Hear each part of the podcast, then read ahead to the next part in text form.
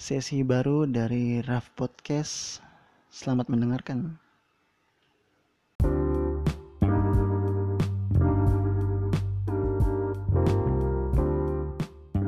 Bismillahirrahmanirrahim. Assalamualaikum warahmatullahi wabarakatuh. Semangat pagi teman-teman. Selamat datang di Raf Podcast, tempatnya Raf berbagi wawasan, opini, cerita, dan apa saja yang bisa diambil manfaatnya lewat podcast ini. Semoga kamu yang sedang mendengarkan rezekinya Allah lancarkan dan kehidupannya Allah tenangkan. Alhamdulillah kita berjumpa lagi di podcast ini setelah sekian lama belum upload dan baru sempat untuk upload lagi. Mohon doanya semoga bisa istiqomah untuk bisa terus berbagi lewat podcast. Jadi insya Allah uh, di podcast pertama ini di tahun 2020 ada sesi baru namanya Tanya Raf jadi kamu bisa bertanya apa pun uh, mungkin saat kajian dan belum sempat saya jawab bisa lewat WA ataupun lewat DM di Instagram. Nah, pada kesempatan kali ini ada pertanyaan via WhatsApp yang insya Allah akan saya jawab di podcast kurang dari 10 menit. Jadi pertanyaannya Bagaimana menguatkan kembali iman saat benar-benar futur? Betul-betul down. Dan kita sudah jauh dari teman-teman dan kajian gara-gara sibuk urusan sekolah. Dan kita sudah tahu itu dosa tapi masih saja kita buat. Bagaimana mengatasinya menurut cara kakak kalau misalnya kakak down dan menguatkannya kembali? Oke baik, uh, bismillah jadi ada banyak step yang bisa kita lakukan, tapi setidaknya ada empat hal yang ingin saya sampaikan. Semoga ini bisa menjawab. Yang pertama menjaga niat. Jadi hampir uh, di semua kitab fikih para ulama banyak yang membuat di bab awalnya membahas itu membahas tentang niat artinya pembahasan niat ini sangat penting sekali nanti bisa teman-teman cari apa sih keutamaan niat dalam beramal setidaknya uh, menetapkan niat atau menguatkan niat saat kita memutuskan untuk hijrah itu bisa memantapkan langkah-langkah kita dan menentukan setiap pilihan yang kita ambil. Dan ini juga sesuai dengan hadis yang disampaikan Umar bin Khattab innamal a'malu niat bahwasanya setiap amalan itu tergantung niatnya.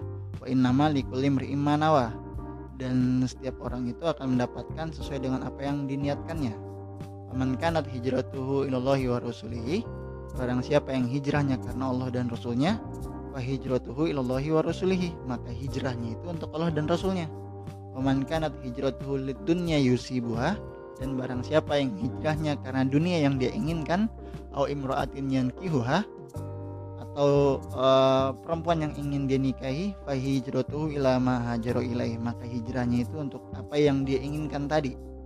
Nah uh, banyak ulama yang kemudian menafsirkan hadis ini menjelaskan kenapa di akhir teks dari hadis ini tidak mengulang sebagaimana di teks sebelumnya ini fahijratu ilallahi wa rasulihi tapi hanya dikatakan fahijratu ila ma ilai artinya uh, menurut para ulama tersebut nanti teman-teman bisa cari juga bahwa uh, dunia ketika kita hijrah karena dunia dan wanita ingin yang eh, wanita yang ingin kita nikahi itu tidak ada apa-apanya di si Allah Subhanahu wa taala.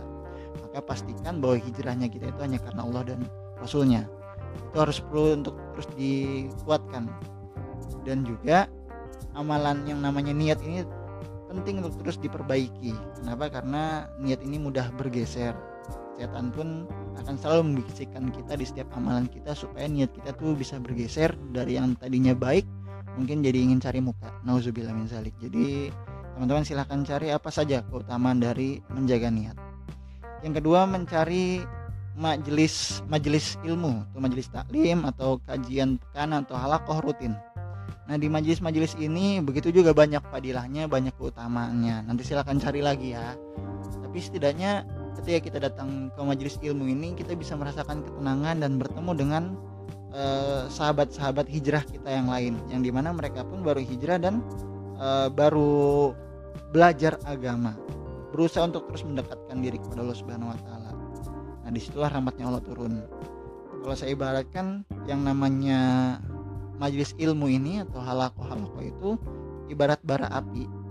Kalau kita semakin sering dekat dengan bara api, maka tubuh kita akan hangat, akan terus bergerak. Tapi kalau kita semakin jauh dari bara api, maka jangan heran jika kemudian kita kedinginan, kemudian beku. Akhirnya jadi malas bergerak, futur iman dan uh, semakin malas untuk beribadah. Jadi penting untuk terus mendatangi halako-halako atau majelis ilmu. Nah, paling penting lagi itu ikut halako uh, yang sistemik yang membahas dari runut sekali. Jadi bukan hanya kajian tematik, juga kajian yang sistemik. Nah, dalam halako-halako itu atau liko dalam halako itu biasanya hanya terdiri dari lima orang. Nah ini seperti kelompok privat yang di mana setiap anggotanya itu akan dikontrol dalam sepekan itu apa saja yang dia baca, bagaimana amalan-amalannya, hafalannya, bacaannya, bagaimana dakwahnya dan seterusnya. Intinya perkembangan dia itu akan dikontrol setiap pekannya. Dan jika teman-teman butuh yang seperti itu, uh, silakan hubungi nanti insya Allah saya akan bantu cari di mana yang bisa bantu teman-teman. Ya sekarang ini uh, waktunya Isa, jadi tinggal beberapa menit lagi ya. Oke, kemudian uh, yang ketiga adalah cari sahabat hijrah. Nah, kenapa penting mencari sahabat ini? Karena sahabat hijrah inilah yang akan terus mengingatkan kita di kala kita sedang futur. Nah, sejatinya teman itu adalah yang mengingatkan ketika kita jauh dari Allah. Jadi jangan heran kalau misalnya ada teman-teman yang cerewet saat kita e, jarang datang kajian atau cerewet saat kita jauh dari Allah. Jangan heran kenapa? Karena mereka inilah yang sebenarnya sayang dengan kita mereka tidak mau kalau temannya itu masuk ke neraka terjerumus uh, ke lembah kemaksiatan dan jauh dari Allah nah kalau punya teman yang seperti ini dipegang baik-baik digenggam baik-baik karena mereka pun bisa uh, menolong kita di hari akhir nanti. Kata Rasul anta ma'aman ahbabta. Kalian akan bersama orang-orang yang kalian cintai. Nah karena kecintaan kita terhadap sahabat kita ini bisa menyebabkan kita masuk dalam surga juga. Nah, teman-teman bisa cari juga apa fadilah memiliki sahabat yang soleh soleha. Yang keempat adalah muhasabah jadi eh, sering-sering bermuhasabah lakukan muhasabah apakah itu sepekan sekali atau sehari sekali semenjak eh, menjelang tidur karena e, muhasabah ini penting supaya kita tahu sudah sejauh mana kita melangkah sudah sejauh mana pembelajaran yang kita lewati supaya kita juga bisa mengukur apakah kita ini masih ada di rel hijrah yang kita inginkan atau justru sudah melenceng. Nah, muhasabah ini bisa sehari sekali atau sehari apa tiga tiga hari sekali atau sepekan sekali. Nanti itu diukur sepekan sudah ngapain aja, sudah apa semua yang dilakukan, bagaimana uh, datangi ke majelis ilmu, bagaimana hafalannya dan lain sebagainya. Itulah pentingnya bermuhasabah. Nah masih banyak juga lagi eh, langkah-langkah uh, yang lainnya nanti insya Allah teman-teman bisa tambahkan kritik dan sarannya nanti ditunggu. Uh, semoga jawaban ini bisa membantu menjawab kegelisahan uh, dan bisa memberikan solusi bagi kegelisahan teman-teman semua yang punya pertanyaan yang sama. Oke, uh, ini saja. Soalnya nanti kita bertemu lagi di episode berikutnya.